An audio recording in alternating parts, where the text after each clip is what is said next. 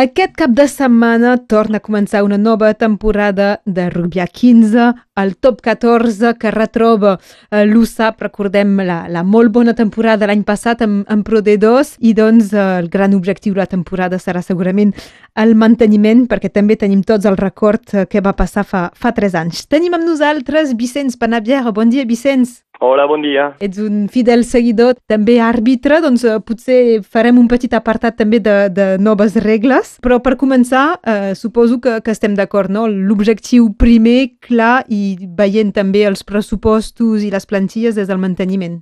Sí, manteniment, això és l'objectiu eh, primer de, de, de l'USAP i, i també eh, guanyar partits, perquè com deies eh, a l'introducció vam tenir una temporada molt complicada 2018-19 amb només dues victòries i el que els seguidors esperen és justament guanyem partits ràpidament perquè, perquè la temporada sigui una temporada menys complicada que la que vam viure. Eh, hi ha mig equip, podem dir, que es manté i mig equip que serà nou. Més o menys. Més o menys. És veritat que hem, hem fitxat uns quants jugadors per aquesta temporada, de qualitat, penso, però crec que l'error que, que havíem fet fa, fa uns anys era justament eh, fitxar massa jugadors eh, que no eren del títol i no fer gaire confiança als jugadors que havien guanyat. Ara penso que el club ha estat més, potser, eh, intel·ligent en la gestió de l'efectiu i eh, potser farem més confiança justament als jugadors que van ser campions i perquè amb els automatismes i, i la manera de jugar doncs ja saben exactament com, com, com volen ser, eh, com vol ser el, el projecte de joc. I a més, per començar, ja molts dels que es fitxen no seran sempre disponibles, ja, ja sabem uh, diferències de calendaris entre, entre el nord i el sud. Exacte, i a més a més eh, perdem malauradament eh, el Jerónimo de la Fuente, que és justament segurament el millor jugador, eh, bueno, amb el Jaminet, però és el jugador clau eh, de l'efectiu a les línies eh, de darrere. Doncs aquesta problemàtica també és una cosa que s'ha d'integrar, però no només és per la USAP, eh, és per molts equips. Doncs a veure com, com ho gestionem. Eh, normalment hauran de tornar, haurien de tornar al mes d'octubre per uns partits i nou pel mes de novembre per als tests uh, internacionals. Ja, ja veurem com, com passa tot això, perquè finalment el top 14 és la dinàmica. Si guanyes un partit, dos partits, després tens la dinàmica de victòries que ja comença. Si no que, per exemple, perds el primer i perds el segon contra Biarritz a casa, doncs ja estàs en una, en una dinàmica molt negativa. I jo crec que l'inici de la temporada serà molt clau per saber què farem aquesta temporada. Amb, amb doble lectura serà clau perquè l'un és, com deies ara, la, la dinàmica i l'altre perquè jugues contra els qui teòricament són els teus eh, rivals eh, per mantenir-se. Exactament, exactament. I són els partits claus perquè eh, a principi de temporada rebem el Biarritz, rebem el Pau, anem a Brives, uh, o sigui, són tres partits en les cinc primeres jornades que són partits, eh, no, no diria decisius perquè és el principi de la temporada, però que seran claus. En cas, per exemple, d'igualtat al final de temporada o que jugarà uns quants poquets punts, doncs eh, sí, ja hem, hem de prendre els punts ara i, i, i així veure com, com segueix la temporada. Però si ja patim per sumar punts en l'inici de la temporada, doncs serà potser una mica complicat eh, després perquè a, al novembre i desembre tenim un calendari molt, molt complicat. Si sóc seguidora de base i he vist els dos partits amistosos eh, que hem guanyat mm. i bé contra equips també de top 14, me dic, bé, podem fer quelcom en aquest top 14. Havíem dit la mateixa cosa el 2018, havíem guanyat el Toulouse, el Racing eh, en amistosos i al final va, va ser una temporada complicada. No, veritablement el que penso és que els jugadors han pres consciència que la diferència entre Pro D2 i Top 14 era molt, molt important. I uh, a la diferència de 2018, jo crec que la temporada que viurem uh, serà una temporada més, potser més seriosa des del primer partit. I crec que els resultats seran millors, primer, bueno, en la qualitat del joc i segon també en, resultat, en les victòries, perquè, perquè els jugadors ja estan convençuts i saben exactament el, el que els esperen. El Patrick Arletas com a entrenador principal també és un repte per ell?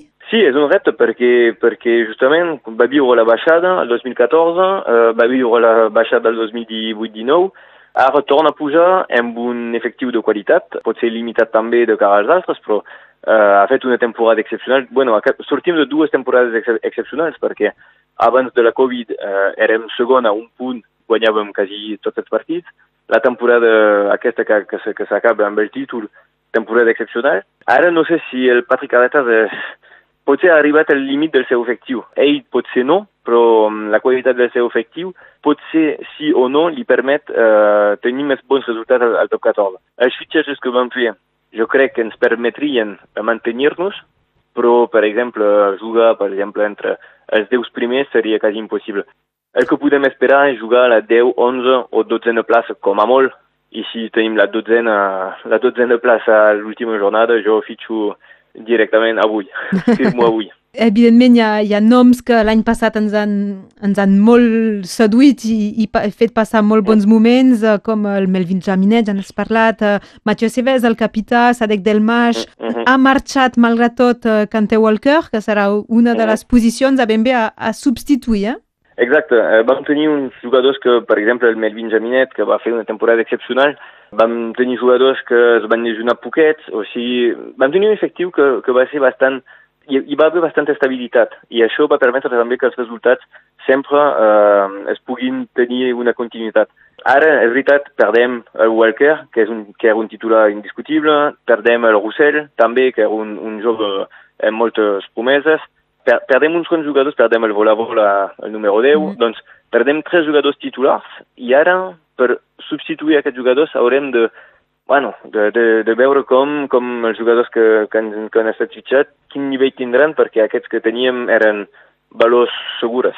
Jo no estic encara convençut que perdem potser jugadors essencials en, en el sentit que feien la diferència a, a ells mateixos. Si havien perdut el Jaminet, per exemple, que ha estat mm. molt pitjor, però eren jugadors claus i amb valors segurs.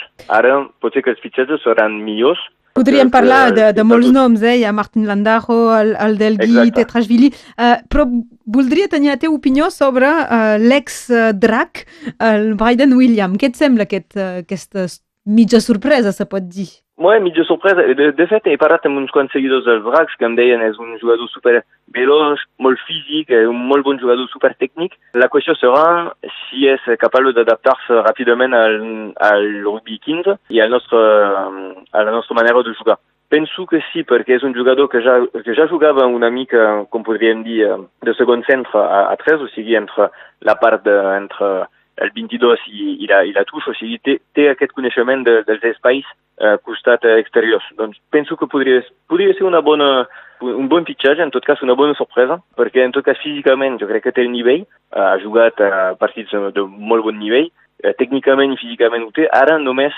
hem, haurem de veure com està capaç d'adaptar-se al sistema de, de, de rugby 15, i això, això és una altra, una altra preocupació. Però per mi sembla que és, un, és una bona, no sé com explicar-te, una bona... Mm, Jugada. Una bona opció amb els uh, diners que tenim, podríem dir. També s'ha d'arriscar una mica. Exacte, I, i al final el, que els companys meus que són pels Dracs em deien que quan jugava els Dracs era un jugador molt bo i, uh, i al final potser que aquest jugador serà, no sé, potser serà el jugador uh, no estrella, però un, un valor segur, un valor de, molt, de molt bona qualitat al, al top 14. El debut de l'USAP en aquest top 14 serà aquest eh, dissabte a Brive a partir de les 4 i, i 5 de, de la tarda. El debut a casa i Giral serà el dia de la Diada Nacional, l'11 de setembre, a les 3 de la tarda contra Biarritz per, uh, per reviure els moments de, de la final de Pro D2, però, però diferentment. Vicenç Panabia, quina nova regla podries destacar com a àrbitre i a la qual també el seguidors ens haurem d'acostumar? No, és, la regla més, potser la més coneguda és el 50-22, o sigui, prens el pilot al, seu, al teu camp, fas un xut indirecte a tuixa dintre dels 22 i, recupera la, i recuperes la pilota a la tuixa. O sigui, aquesta és un, veritablement una manera de, de fer baixar els jugadors als ales perquè hi hagi una mica més d'espais als costats exteriors. I la força de l'USAP és que tenim un bastant bon joc al peu.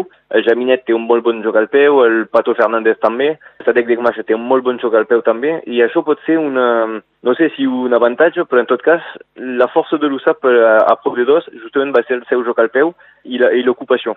Pot ser que justament serà una regla que no sé si ens serà un avantatge, però en tot cas que tenim les qualitats per utilitzar-la de bona manera. Doncs aquesta adaptació del 13, potser com el William, també serà Exacte. beneficiosa per l'USAP. Sí, ell, ell, ell coneix aquesta, aquesta regla, cap problema. Molt bé. Vicenç Panabier, ens se- seguirem aquest any, evidentment, eh, tota la informació de l'USAP. Recordem que Radio Arrels us proposa també les retransmissions en directe dels partits que se juguen a casa. Fins, eh, fins molt aviat i gràcies. Moltes gràcies a vosaltres, que vagi molt bé. Adéu, bon dia. Adéu, adéu.